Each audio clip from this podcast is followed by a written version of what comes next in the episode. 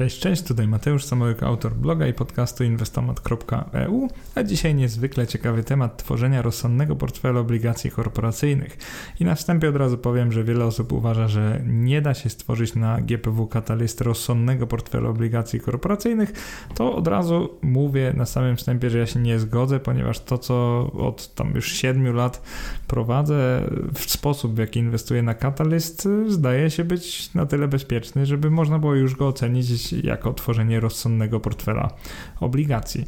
Zakładam jednocześnie, że jesteś już po przesłuchaniu podcastu Jak analizować obligacje korporacyjne z GPW Catalyst, który wypuściłem tydzień temu i nie trzeba przypominać Ci na każdym kroku zasad doboru takich papierów.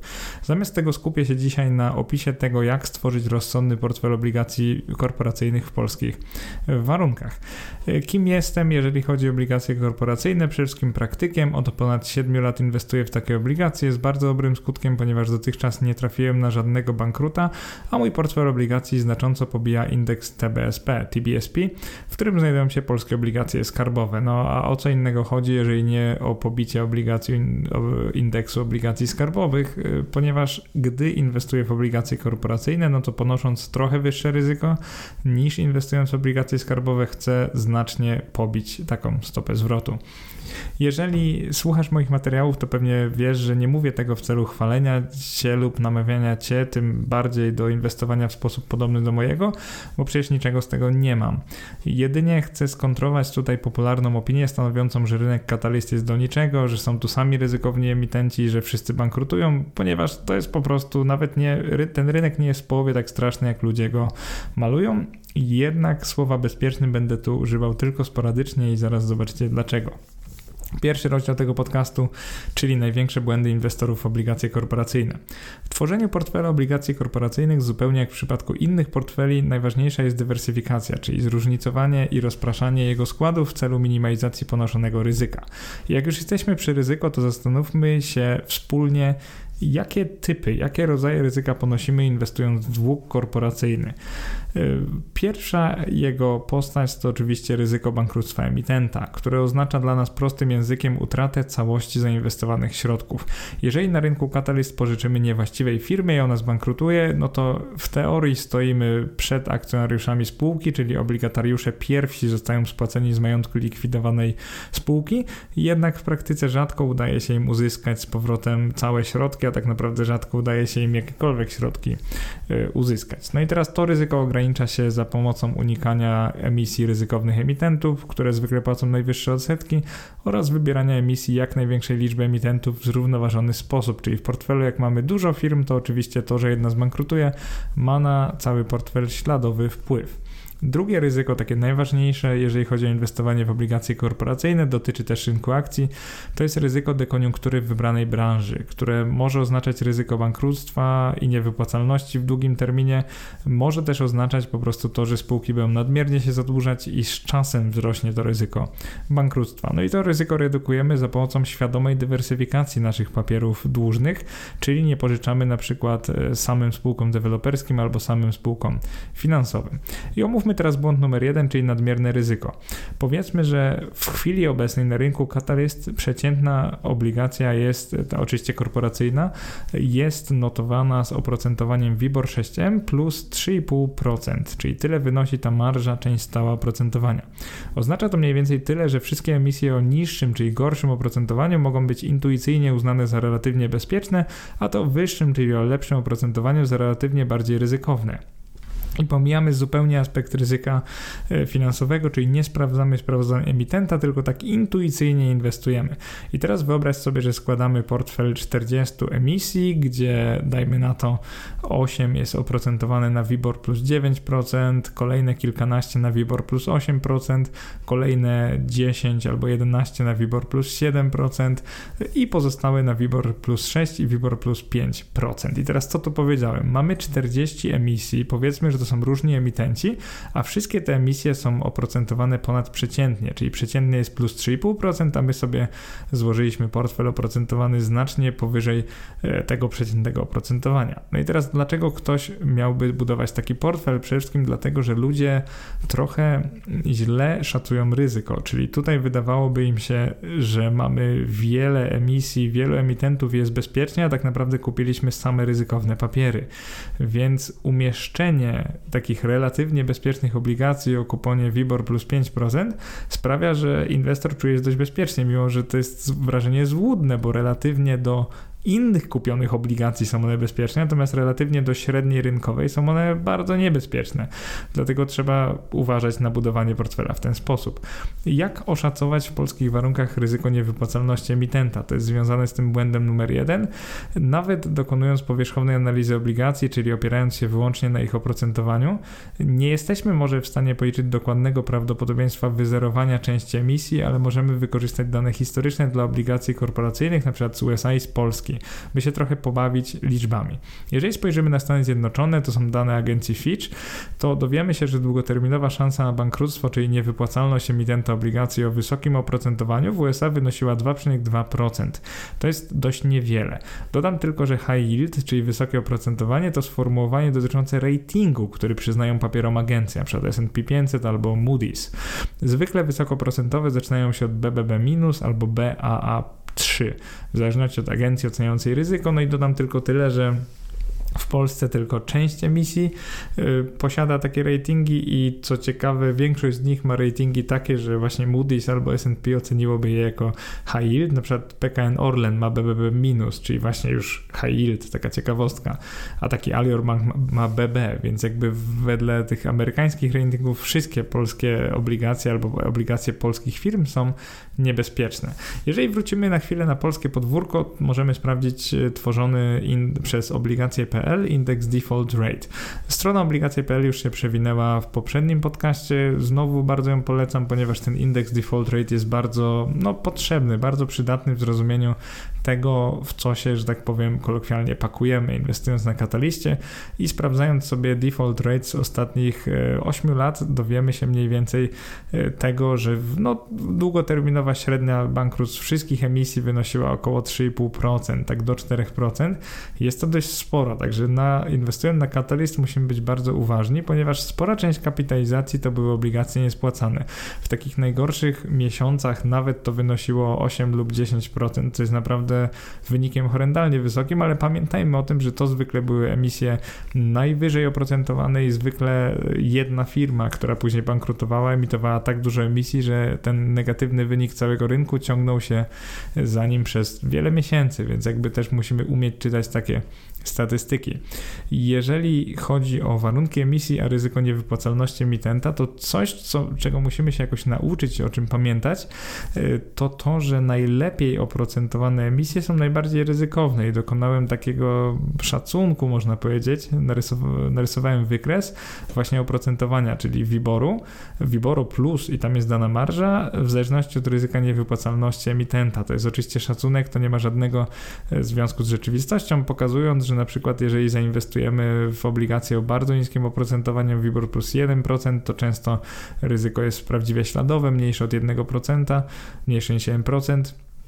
Natomiast y, im wyższe jest oprocentowanie emisji, to tym wyższe jest ryzyko bankructwa, co się mniej więcej powinno składać w rzeczywistość. Y, natomiast oczywiście sam wykres nie ma żadnego związku z rzeczywistością, po prostu chcę Wam pokazać y, sposób myślenia o emisjach obligacji. I na przykład przy średnim oprocentowaniu obligacji wynoszącym WIBOR plus 3,5%, papiery płacące WIBOR plus 1% mogą uchodzić za bardzo bezpieczne, czyli na przykład możemy przyjąć, oszacować ryzyko niewypłacalności jako bardzo niskie, na przykład 0,1 1% albo 0,05%. Natomiast inwestując w papiery o oprocentowaniu, dajmy na to 5%, marża 5% plus WIBOR, już ryzyko niewypłacalności staje się wyższe, przed wynosząc 2,45%. Dlatego stworzyłem na blogu taką specjalną tabelę, która pokazuje, że oczekiwana stopa zwrotu brutto powinna też wliczać w to ryzyko niewypłacalności. I dla przykładu, jeżeli wybierzemy obligacje, w nawiasie w tej chwili takich nie ma na rynku, ale jeżeli wybierzemy papiery płacące dotyczące WIBOR plus 12%, to w tej chwili oprocentowanie przy WIBORze wynoszącym 7% wynosi 19% rocznie. Bardzo, ale to bardzo dużo. Tylko, że ryzyko niewypłacalności wynosi około 10%. Teraz jak policzyłem wynikową stopę zwrotu brutto? Bardzo prosto. Dodałem do siebie prawdopodobieństwa dwóch zdarzeń, a raczej dodałem do siebie stopy zwrotu takich e, prawdopodobieństw, czyli 90%, że zarobimy 19% e, i 10%, że stracimy wszystko, czyli że stopa zwrotu wyniesie minus 100% i tu wyszło, że nie zarabiamy rocznie 19%, a 7,81%, ponieważ tak duże jest ryzyko bankructwa spółki. Więc nauczcie się oceniać ryzyko właśnie chociażby tym oprocentowaniem. Jeżeli Wam się nie chce robić e, takiej pogłębionej analizy, bo nawet to pozwoli Wam uniknąć przyszłych bankrutów. Możecie przeanalizować sobie historię, zobaczcie ostatnie kilka spółek, które zbankrutowały i nie spłaciły swoich emisji obligacji. One właśnie zwykle były oprocentowane ponadprzeciętnie i to jest pierwszy sygnał ostrzegawczy, który powinniście nauczyć się czytać. Jeżeli chodzi o samą tabelę i wykres, które przedstawiłem w wypisie, są to teoretyczne rozważania. Nie mogę przedstawić Wam lepszych danych, ponieważ rynek Catalyst istnieje dopiero od 2009 roku, czyli raptem od kilkunastu lat, a notowane na nim są obecnie emisje tylko 80 firm, czyli 80 emitentów. I to sprawia, że po prostu nie dysponuję wystarczającym zbiorem danych, by policzyć prawdziwe ryzyko niewypłacalności w zależności od oprocentowania emisji. Nie mogę tego zrobić porządnie. Po drugie, zdarza się, że dany emitent posiada aktywne emisje obligacje o różnym oprocentowaniu. No i w takim przypadku powinniśmy oceniać tylko ryzyko kredytowe pod kątem najnowszej wyemitowanej serii. Pamiętajcie o tym.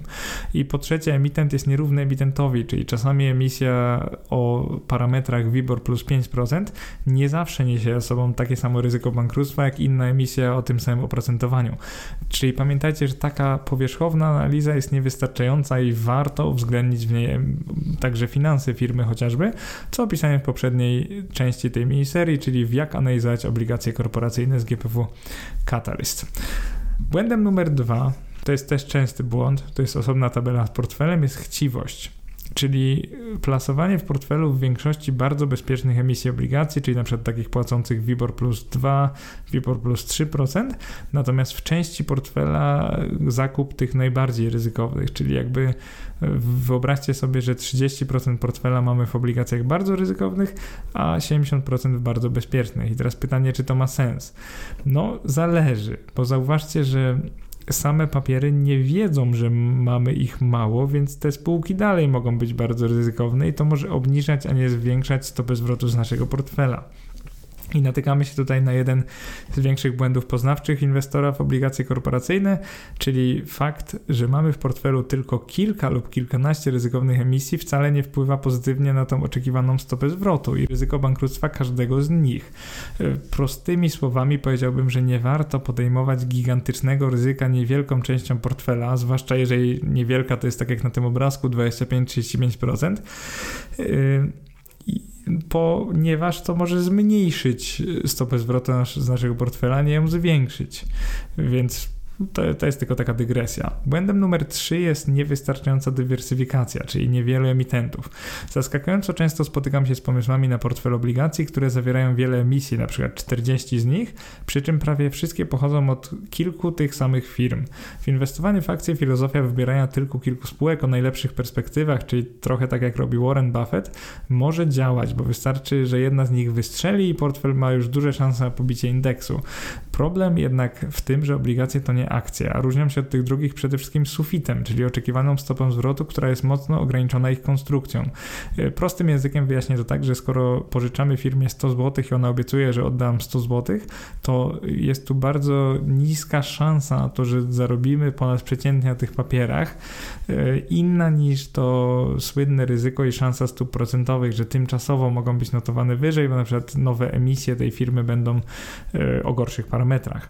I Teraz, jak to jeszcze prostszym językiem wyjaśnić? Zauważcie, że na rynku akcji bardzo często w ciągu kilku lat możemy zarobić na danych papierach na przykład 300 lub 400%. No może bardzo często to dużo powiedziane, ale pewnie na GPW tak intuicyjnie czuję, że jest przynajmniej kilkadziesiąt takich spółek, które w ciągu kilku lat dały zarobić 3 lub 4-krotnie. Czyli to się zdarza, bo jeżeli kupujemy akcje firmy, stajemy się jej współwłaścicielami, współposiadaczami, no i dzięki temu jak ona rośnie, to możemy w tym wzroście brać udział, a przynajmniej na giełdzie.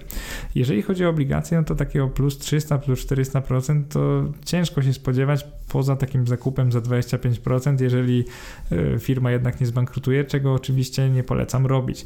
I często spotykamy się właśnie z portfelami 40 emisji, nie wiem, 3 lub 4 emitentów i nazwałbym to takim potworkiem dywersyfikacyjnym, ponieważ inwestorzy chyba nie rozumieją, że ryzyko dotyczy emitenta, a nie emisji. Czyli jeżeli kupicie 10 emisji obligacji, na przykład, nie wiem, Alior, 10 Echo Investments i 10 Gelamco, to dalej jesteście rozłożenie, jeżeli chodzi o ryzyko na trzy firmy. Więc jeżeli jedna z tych firm będzie miała problem, to wy tracicie na przykład 30 lub 40% waszego portfela, co jest kompletnie, no, z perspektywy dywersyfikacji bym powiedział, że to jest głupie. Błędem numer 4, który chcę opisać w tym podcaście, to jest pozorna dywersyfikacja tym błędem. Jeżeli posiadasz w portfelu obligacje przykład 25 lub 30 emitentów, ale papiery jednego z nich stanowią przykład więcej niż 10% portfela, a czasami nawet 50% portfela, to moim zdaniem nie rozkładasz ryzyka inwestycyjnego w sposób wystarczający. I od powyższego jest oczywiście kilka wyjątków, bo bezpieczniejsze będzie posiadanie 5 emisji o marżach 1% rocznie od 20 emisji o marżach 6% rocznie i więcej, ale jednak stawianie na jedną firmę połową portfela obligacji uznałbym za sporą przesadę, naprawdę sporą. I to dobry moment, by zauważyć, że Marża, czyli część stała oprocentowania obligacji, jest raczej skutkiem niskiej oceny wypłacalności emitenta przez ekspertów, rynek i agencje ratingowe, niż sama w sobie przesłanką ku temu, by takich obligacji nie wybierać.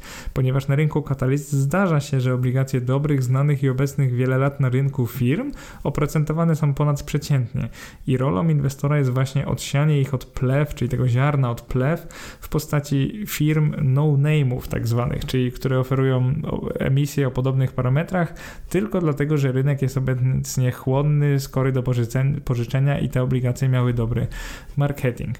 E, wracając do sedna. Błędem numer 4, czyli pozorną dywersyfikacją, nazwałbym, jeżeli inwestor posiada w swoim portfelu obligacje wielu spółek, ale na przykład tylko jedna z nich stanowi 50% wartości portfela, no bo to już niezależnie od e, ocen agencji ratingowych, op opinii ekspertów, po prostu jest to zbyt nielogiczne, ten inwestor stawia zbyt dużo swojego majątku na jedną kartę i to się może w przyszłości na nim zemścić, bo zauważcie, że nawet najsilniejsza finansowo spółka, która niektórzy mówią na pewno spłaci swoje długi, może wkroczyć w trudną fazę dekoniunktury w branży i nagle okaże się, że nawet ona ma problem z regulowaniem swoich zobowiązań.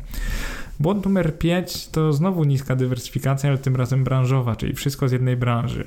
Jeżeli na przykład na rynku kataliz dzisiaj byśmy losowo wybierali emisję obligacji, to mamy na przykład 41%, że firma działa w branży nieruchomości, mamy 20%, że w branży finansów, mamy 6,7%, że w branży energetycznej i tak dalej, i tak dalej.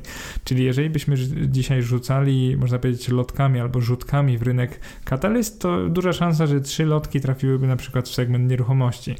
E, pamiętajcie o tym, że może nadejść ciężki czas dla wybranej branży i nie chcecie wtedy pożyczać pieniędzy tylko i wyłącznie firmom z branży deweloperskiej, na przykład jeżeli chodzi o nieruchomości.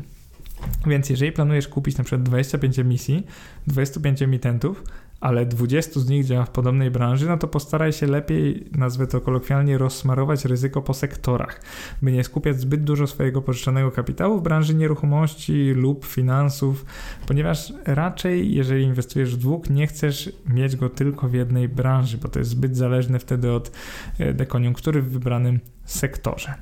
I teraz, jeżeli chodzi o tworzenie rozsądnego portfela obligacji korporacyjnych, no to przede wszystkim nie jest to takie trudne. W części piątej serii o obligacjach, ona się nazywała Jak poprawnie inwestować w obligacje niezależnie od koniunktury, wspominałem o pięciu takich filarach mojego wybierania obligacji do portfela i przede wszystkim unikałem emitentów, które oferują ponadprzeciętne oprocentowanie, unikałem emitentów, którzy wyemitowali zbyt wiele długów w zbyt wielu emisjach, unikałem emitentów bez historii spłaconych emisji lub bez historii na giełdzie, unikałem emitentów o kiepskiej płynności bieżącej, o wysokim lub rosnącym zadłużeniu i unikałem emitentów działających w kurczącej się branży lub o kiepskich zarządach, co oczywiście już nie jest tak łatwe do ocenienia. I teraz możemy to przekuć w coś namacalnego, wspólnie tworząc od zera pulę emisji do potencjalnego portfela obligacji wraz z komentarzem, dlaczego wybieramy lub odsiewamy konkretne instrumenty. I obecnie znajdujemy się na krzywej wzrostowej stóp referencyjnych NBP, czyli stóp procentowych, dlatego pozwolę sobie zignorować wszystkie emisje długu stałoprocentowego, bo to tak jakbyśmy się prosili o straty. Skupię się tutaj wyłącznie na obligacjach zmiennoprocentowych, których na rynku katalist naprawdę nie brakuje, ponieważ na rynku korporacyjnym y, w Polsce, na rynku długu korporacyjnym oczywiście większość emisji to są zmiennoprocentówki. Więc tak, ułóżmy taki przek- utwórzmy może przekrój rynku obligacji korporacyjnych Catalyst dla dnia naszej analizy. To jest mniej więcej połowa lipca, żebyś wiedział, kiedy nagrywałem ten podcast. Gdy sam tworzę na swoje potrzeby takie opracowania, to zamieszczam w nich następujące dane. Nazwę emitenta, sektor gospodarki, przeciętną marżę obligacji zmiennoprocentowych y, w obiegu, przeciętną cenę obligacji tego emitenta na rynku, przeciętną liczbę dni do końca, czyli dojrzałości emisji emitenta oraz cenę najtańszej emisji oraz liczbę płynnych emisji, czyli tak jakby agreguję dane o wszystkich emisjach danego emitenta i sprawdzam jak bezpieczny lub jak ryzykowny on jest. I teraz co jest bardzo ciekawe, czego niestety nie zobaczą słuchacze podcastu, są tabele z wynikami. Tam jest y, kilkadziesiąt firm, które na dzień dzisiejszy prezentuję i szczerze mówiąc, każdy, kto słucha podcastu, powinien albo teraz sobie włączyć wpis lub y, puścić ten filmik na YouTubie, albo zrobić to po wysłuchaniu całości, ponieważ informacje, które tu przedstawię, są wręcz nieodzowne w budowaniu portfela obligacji albo w zrozumieniu, czym jest rynek katalisty, jak dokładnie wygląda. Już na pierwszy rzut oka mamy kilkadziesiąt płynnych emitentów. Większość posiada przynajmniej jedną płynną emisję papierów dłużnych. Kilka oczywiście nie posiada żadnych płynnych emisji, co od razu je odsiewa. Jeżeli chodzi o przeciętną marżę, to mamy emitentów oferujących 5% i więcej, czyli od 5 do 7,25%. Mamy emitentów oferujących takie umiarkowane, ale wysokie oprocentowanie, czyli od 3,67 do 4,98% i mamy takich emitujących e, no, ni o niskim oprocentowaniu. Ja bym to uznał, że to jest między 2,56 do 3,51, czyli mniej niż przeciętne i mamy takich emitujących e, bardzo bezpieczne, można powiedzieć, obligacje o bardzo niskim oprocentowaniu między 1,05% a 2,40%. Oczywiście wśród tych ostatnich będzie najwięcej małopłynnych emisji, czyli najbezpieczniejszych, ponieważ głównie fundusze inwestycyjne e, były nazwijmy to adresatem e, takich emisji, więc ciężko będzie je kupić, więc od razu już na pierwszy rzut oka można odsiać e, dobre kilkanaście, e, do, właściwie kilka, dobrych kilkunastu emitentów, którzy albo są w ogóle niepłynni, czyli nie posiadają płynnych emisji, albo nominał takich obligacji to 100 tysięcy lub nawet 500 tysięcy złotych, więc oczywiście nie złożymy z nich portfela o dobrej dywersyfikacji i o rozsądnych rozmiarach, nazwijmy to powiedzmy 50 lub 100 tysięcy złotych lub nawet 40 tysięcy złotych. Więc gdy odsiejemy Trzy, tak naprawdę trzy warunki odsiania mam zawsze, czyli żadnej płynnej emisji papierów lub minimalny nominał emisji wynoszący ponad 1000 zł, bo takich po prostu nie da się kupić albo nie dam rady kupić. E, przeciętna e, ta dojrzałość emisji wynosi mniej niż rok, czyli jakby ten emitent większość długu wyemitował, przynajmniej ten, ten, ten dług, który teraz e, trwa, skończy się w ciągu roku. No to takich emisji też raczej nie chcę i przeciętna cena emisji na giełdzie jest mniejsza od 90%, bo pamiętajcie, że w tym wpisie inwestujemy, a nie spekulujemy, więc jeżeli nie chcę spekulować na obligacjach emitenta, to wybieram jednak takie, które notowane są po cenie tej obecnej przynajmniej 90 kilka procent, czyli nie spekulacyjnie, czyli że inwestorzy nie widzą w nich jakiegoś większego ryzyka niż w momencie ich emisji. I taki bezpieczny portfel portfel obligacji korporacyjnych mógłby wyglądać mniej więcej tak, że wybralibyśmy w większości spółki emit, emitujące dług o niskim oprocentowaniu przed WIBOR plus 1,05% do WIBOR 2,25%, to było przynajmniej kilka spółek. Później byśmy wybrali już kilkanaście, może nawet kilkadziesiąt spółek o oprocentowaniu trochę wyższym, ale każda by stanowiła mniejszą część portfela. I taki przykładowy portfel miałby na przykład emisję obligacji PKN Orlen, LPP, Dino, Tauron, Dom Development, Cyfrowy Polsat, P4 czy Eurocash. To była baza portfela, te spółki emitujące te, nazwijmy to bezpieczniejszy dług i mniejszą część portfela stanowiłyby na przykład firmy PKBX, Robyk, Famur, Alior, Bank, Voxel czy Cognor Holding i jeszcze mniejszą Kruk, MCI Capital, Anvim, Pragmago, Echo Investment czy Ronson. To nie jest absolutnie żadna rekomendacja inwestycyjna, to są po prostu przykłady firm, które emitują dług o takim bardziej rozsądnym oprocentowaniu, że to nie jest wysoka marżowość, nie jest tu bardzo bezpiecznie, więc tym pierwszym portfelem, rdzeniem tego portfela będzie kilku emitentów o najwyższych ratingach kredytowych, więc o najniższej możliwej marży, czyli nie chcemy ryzykować, tworzymy coś, co ma pobić co najwyżej obligacje trzyletnie TOZ, te skarbowe, czyli te, które są oprocentowane e, wskaźnikiem WIBOR 6M. Tutaj po prostu chcemy to pobić, chcemy mieć jakąś marżę plus ten WIBOR i dzięki temu, że wybieramy te bezpieczniejsze rejony obligacji korporacyjnych, no dzięki temu unikamy ryzyka bankructwa. I teraz dla osoby, która chce podjąć jednak większe ryzyko, też złożyłem taki bardziej ryzykowny portfel obligacji korporacyjnych i tutaj już e, opieramy się na tych e, obligacjach o średnim oprocentowaniu, e, czyli te spółki, które wymieniłem przed chwilą jako bardziej ryzykowne, które miały stanowić 1 do 2% tego portfela bezpieczniejszego, tu już będą stanowić po 4-5% portfela. One oferują oprocentowanie WIBOR plus 2,5, WIBOR plus 3,5, a nawet WIBOR plus 4%. To by były spółki, tak jak mówiłem, na przykład PKBX, Robyk, Alior Bank, Amvim, Echo Investment czy Ronson. E, oczywiście takich spółek jest więcej, na przykład jest firma PragmaGo, jest firma Best, MCI Capital, e, więc przeglądając te tabele spisu dowiecie się tego, jakie to są spółki. I teraz do takiego portfela e, tym, którzy są powiedzmy żądni przygód albo chcą zwiększyć jego spodziewaną, oczekiwaną stopę zwrotu, możecie też dorzucić po na przykład 1-2% maksymalnie tych emisji bardziej ryzykownych, ale unikałbym tych o najwyższym oprocentowaniu, tylko dokładał te na przykład na WIBOR plus 4,2 do 5,2 w tej chwili e, procent, tak zupełnie absolutnie maksymalnie. I przykładowi emitenci przykład e, Locum, PA Nova, Gelamco, Credit Incasso, Infinity, AOW Factoring, JHM Development albo Marvipol to są też w większości spółki giełdowe, ponieważ znam je z giełdy i wiem mniej więcej, jak wyglądają ich biznesy, dlatego dodałem je do tego e, zestawienia. Natomiast czy jestem ich pewien? Absolutnie nie, ponieważ takie emisje już są bardziej ryzykowne i pamiętajcie, że no cóż, e, pierwsze ryzyko to jest ta strata permanentna, że po prostu nie spłacą e, waszych obligacji ci emitenci, a druga to jest ta papierowa strata i jakby kondycja psychiczna inwestora, jeżeli obligacje będą tymczasowo notowane na giełdzie za 50 do 60% ich nominału, tak jak na przykład teraz Getting Noble Bank i nie bez powodu on się nie znalazł w tych portfelach, bo po prostu ryzyko inwestycyjne jest za duże. I pamiętajcie, że Y, te obligacje notowane na rynku, cena może spadać, a wy możecie wtedy w dużym stresie na przykład sprzedać y, taką emisję, a później okaże się, że emitent jednak nie zbankrutował, więc ze sprzedażą przecenionych emisji to jest tak, że czasami jest to błędem, bo oczywiście emitent nie zbankrutuje, czasami jest to właściwym zachowaniem, bo odzyskamy cokolwiek, nawet 50% naszych środków, zamiast czekać do końca, spodziewać się, że nie zbankrutuje, a później będziemy mieli, będziemy świadkami takiego bankructwa i nie odzyskamy niczego. I opcją trzecią, której nie przedstawiłem w ogóle w podcaście, to jest zmieszanie obligacji o każdym poziomie ryzyka. I to skutecznie od lat udaje się Remigiuszowi Iwanowi z bloga rynekobligacji.pl, który swoją drogą serdecznie wszystkim polecam. E, Remigiusz lata temu, chyba nieświadomie, bo może nie wiedzieć, że to on, ale zaraził mnie pasją do polskich obligacji korporacyjnych i przy okazji tego podcastu chciałbym mu serdecznie na to podziękować. A czytających e, wpisy lub słuchających podcastów tej miniserii szczerze polecić jego bloga, czyli właśnie rynekobligacji.pl.